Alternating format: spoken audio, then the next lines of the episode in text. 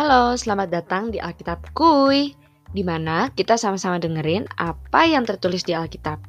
Ingat, firman Tuhan adalah pelita bagi kaki kita dan terang bagi jalan kita.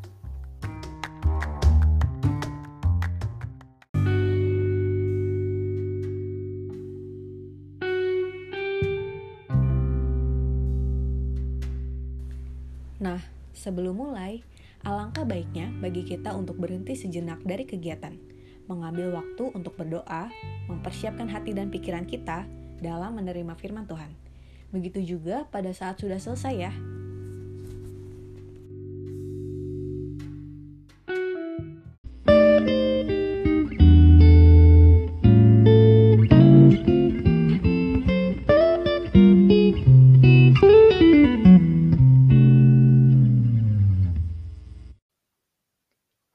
Kejadian 1 Allah menciptakan langit dan bumi serta isinya. Pada mulanya, Allah menciptakan langit dan bumi. Bumi belum berbentuk dan kosong. Gelap gulita menutupi samudra raya, dan roh Allah melayang-layang di atas permukaan air. Berfirmanlah Allah, Jadilah terang. Lalu terang itu jadi. Allah melihat bahwa terang itu baik, lalu dipisahkan nyala terang itu dari gelap. Dan Allah menamai terang itu siang, dan gelap itu malam. Jadilah petang, dan jadilah pagi. Itulah hari pertama. Berfirmanlah Allah, jadilah cakrawala di tengah segala air untuk memisahkan air dari air maka Allah menjadikan cakrawala dan ia memisahkan air yang ada di bawah cakrawala itu dari air yang ada di atasnya. Dan jadilah demikian. Lalu Allah menamai cakrawala itu langit. Jadilah petang dan jadilah pagi. Itulah hari kedua. Berfirmanlah Allah, hendaklah segala air yang di bawah langit berkumpul pada satu tempat sehingga kelihatan yang kering. Dan jadilah demikian. Lalu Allah menamai yang kering itu darat, dan kumpulan air itu dinamainya laut. Allah melihat bahwa semuanya itu baik. Berfirmanlah Allah, hendaklah tanah menumbuhkan tunas-tunas muda, tumbuh-tumbuhan yang berbiji, segala jenis pohon buah-buahan yang menghasilkan buah yang berbiji, supaya ada tumbuh-tumbuhan di bumi. Dan jadilah demikian.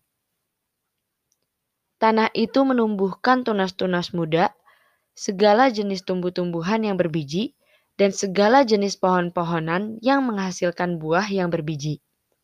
Allah melihat bahwa semuanya itu baik. Jadilah petang dan jadilah pagi. Itulah hari ketiga. Berfirmanlah Allah, Jadilah benda-benda penerang pada cakrawala untuk memisahkan siang dari malam. Biarlah benda-benda penerang itu menjadi tanda yang menunjukkan masa-masa yang tetap dan hari-hari dan tahun-tahun, dan sebagai penerang pada cakrawala, biarlah benda-benda itu menerangi bumi. Dan jadilah demikian. Maka Allah menjadikan kedua benda penerang yang besar itu yakni yang lebih besar untuk menguasai siang, dan yang lebih kecil untuk menguasai malam, dan menjadikan juga bintang-bintang. Allah menaruh semuanya itu di cakrawala untuk menerangi bumi, dan untuk menguasai siang dan malam, dan untuk memisahkan terang dari gelap. Allah melihat bahwa semuanya itu baik. Jadilah petang dan jadilah pagi Itulah hari keempat. Berfirmanlah Allah, hendaklah dalam air berkeriapan makhluk yang hidup, dan hendaklah burung beterbangan di atas bumi melintasi cakrawala. Maka Allah menciptakan binatang-binatang laut yang besar dan segala jenis makhluk hidup yang bergerak, yang berkeriapan dalam air, dan segala jenis burung yang bersayap. Allah melihat bahwa semuanya itu baik. Lalu Allah memberkati semuanya itu, firman-Nya, Berkembang biaklah dan bertambah banyaklah, serta penuhilah air dalam laut, dan hendaklah burung-burung di bumi bertambah banyak. Jadilah petang dan jadilah pagi. Itulah hari kelima. Berfirmanlah Allah, hendaklah bumi mengeluarkan segala jenis makhluk hidup, ternak, dan binatang melata, dan segala jenis binatang liar. Dan jadilah demikian. Allah menjadikan segala jenis binatang liar dan segala jenis ternak dan segala jenis binatang melata di muka bumi. Allah melihat bahwa semuanya itu baik. Berfirmanlah Allah, Baiklah kita menjadikan manusia menurut gambar dan rupa kita, supaya mereka berkuasa atas ikan-ikan di laut dan burung-burung di udara, dan atas ternak, dan atas seluruh bumi, dan atas segala binatang melata yang merayap di bumi. Maka Allah menciptakan manusia itu menurut gambarnya, menurut gambar Allah diciptakannya dia, laki-laki dan perempuan diciptakannya mereka. Allah memberkati mereka, lalu Allah berfirman kepada mereka, Beranak cuculah dan bertambah banyak. Penuhilah bumi dan taklukkanlah itu. Berkuasalah atas ikan-ikan di laut dan burung-burung di udara, dan atas segala binatang yang merayap di bumi berfirmanlah Allah, Lihatlah, aku memberikan kepadamu segala tumbuh-tumbuhan yang berbiji di seluruh bumi, dan segala pohon-pohonan yang buahnya berbiji, itulah akan menjadi makananmu. Tetapi kepada segala binatang di bumi, dan segala burung di udara, dan segala yang merayap di bumi, yang bernyawa kuberikan segala tumbuh-tumbuhan hijau menjadi makanannya. Dan jadilah demikian. Maka Allah melihat segala yang dijadikannya itu sungguh amat baik. Jadilah petang dan jadilah pagi. Itulah hari keenam. Kejadian 2 Demikianlah diselesaikan langit dan bumi dan segala isinya Ketika Allah pada hari ketujuh telah menyelesaikan pekerjaan yang dibuatnya itu, berhentilah ia pada hari ketujuh dari segala pekerjaan yang telah dibuatnya itu. Lalu Allah memberkati hari ketujuh itu dan menguduskannya, karena pada hari itulah ia berhenti dari segala pekerjaan penciptaan yang telah dibuatnya itu. Demikianlah riwayat langit dan bumi pada waktu diciptakan. Ketika Tuhan Allah menjadikan bumi dan langit, belum ada semak apa pun di bumi, belum timbul tumbuh-tumbuhan apa pun di padang, sebab Tuhan Allah belum menurunkan hujan ke bumi, dan belum ada orang untuk mengusahakan tanah itu.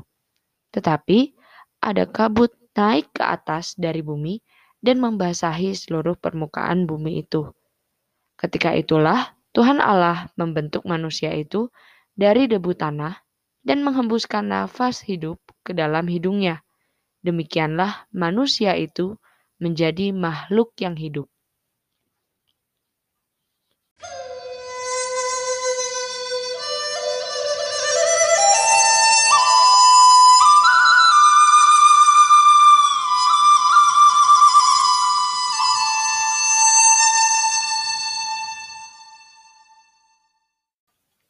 Kejadian 2 Manusia dan Taman Eden.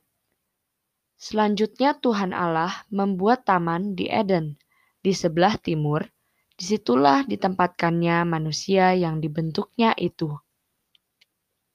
Lalu Tuhan Allah menumbuhkan berbagai-bagai pohon dari bumi yang menarik dan yang baik untuk dimakan buahnya, dan pohon kehidupan di tengah-tengah taman itu serta pohon pengetahuan tentang yang baik dan yang jahat.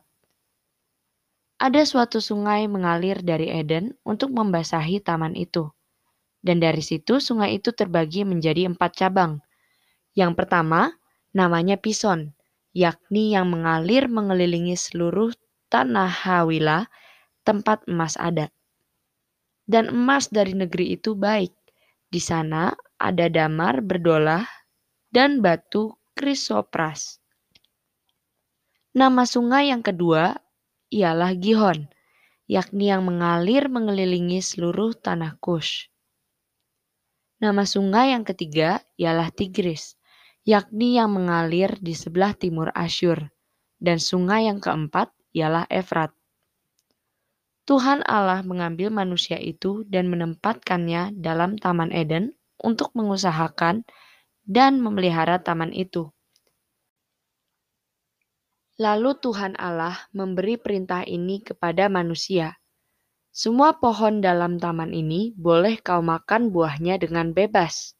Tetapi pohon pengetahuan tentang yang baik dan yang jahat itu janganlah kau makan buahnya. Sebab pada hari engkau memakannya, pastilah engkau mati. Tuhan Allah berfirman, tidak baik kalau manusia itu seorang diri saja Aku akan menjadikan penolong baginya yang sepadan dengannya.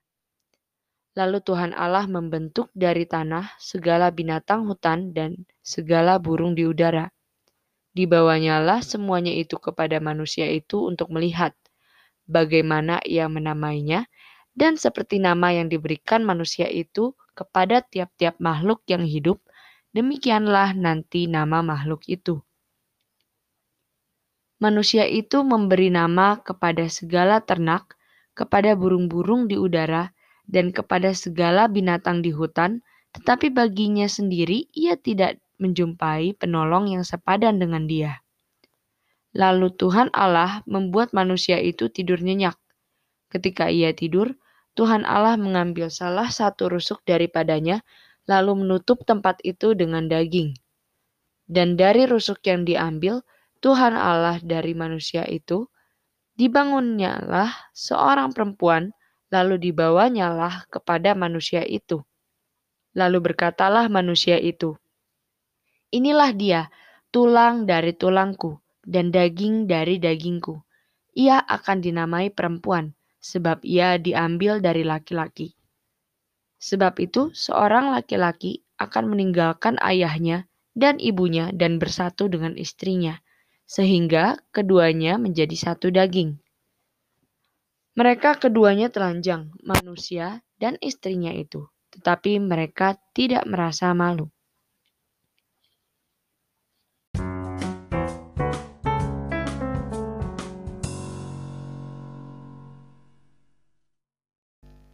Kejadian 3 Manusia jatuh ke dalam dosa.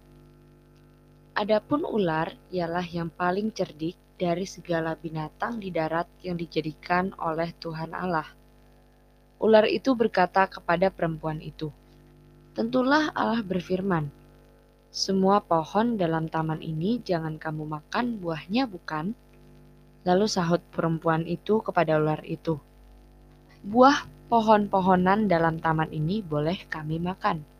Tetapi tentang buah pohon yang ada di tengah-tengah taman, Allah berfirman, "Jangan kamu makan ataupun raba buah itu, nanti kamu mati."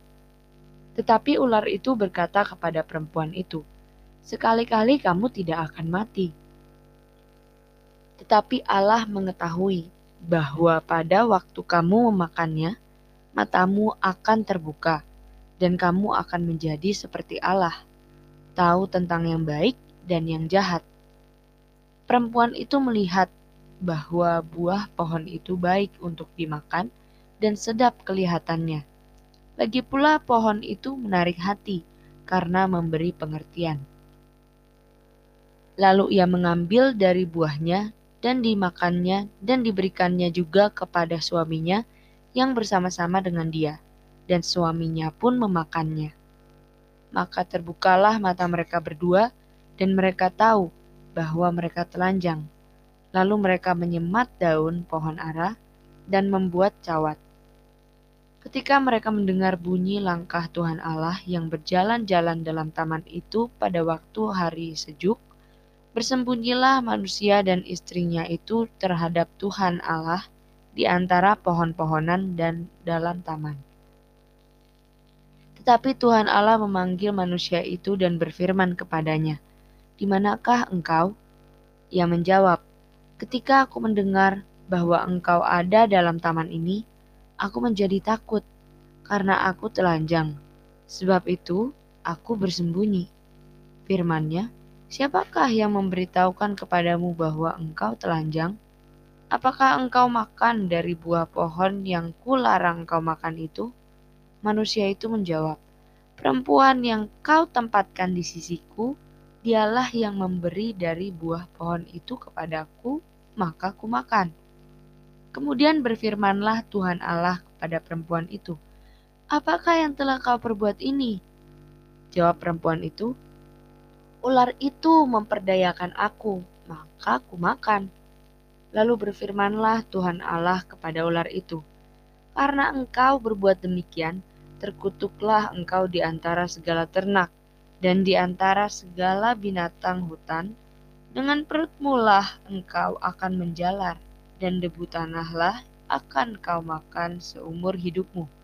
Aku akan mengadakan permusuhan antara engkau dan perempuan ini, antara keturunanmu dan keturunannya keturunannya akan meremukkan kepalamu, dan engkau akan meremukkan tumitnya.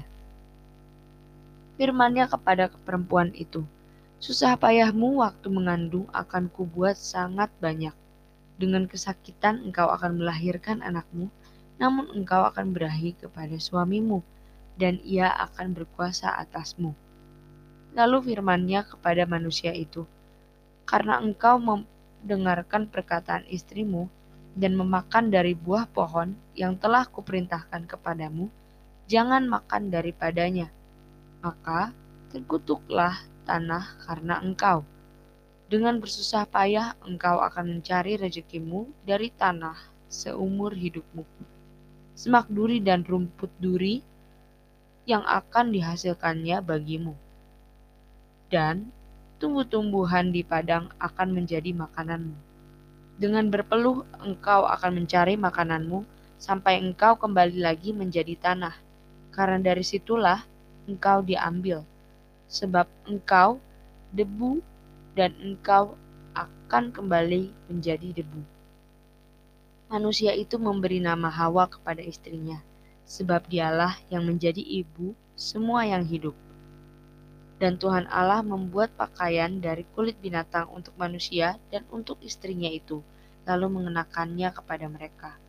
Berfirmanlah Tuhan Allah, sesungguhnya manusia itu telah menjadi seperti salah satu dari kita, tahu tentang yang baik dan yang jahat. Maka sekarang jangan sampai ia mengulurkan tangannya dan mengambil pula dari buah pohon kehidupan itu dan memakannya, sehingga ia hidup untuk selama-lamanya. Lalu Tuhan Allah mengusir dia dari Taman Eden, supaya ia mengusahakan tanah dari mana ia diambil. Ia menghalau manusia itu, dan di sebelah timur Taman Eden ditempatkannya lah beberapa kerub dengan pedang yang bernyala-nyala dan menyambar-nyambar untuk menjaga jalan ke pohon kehidupan.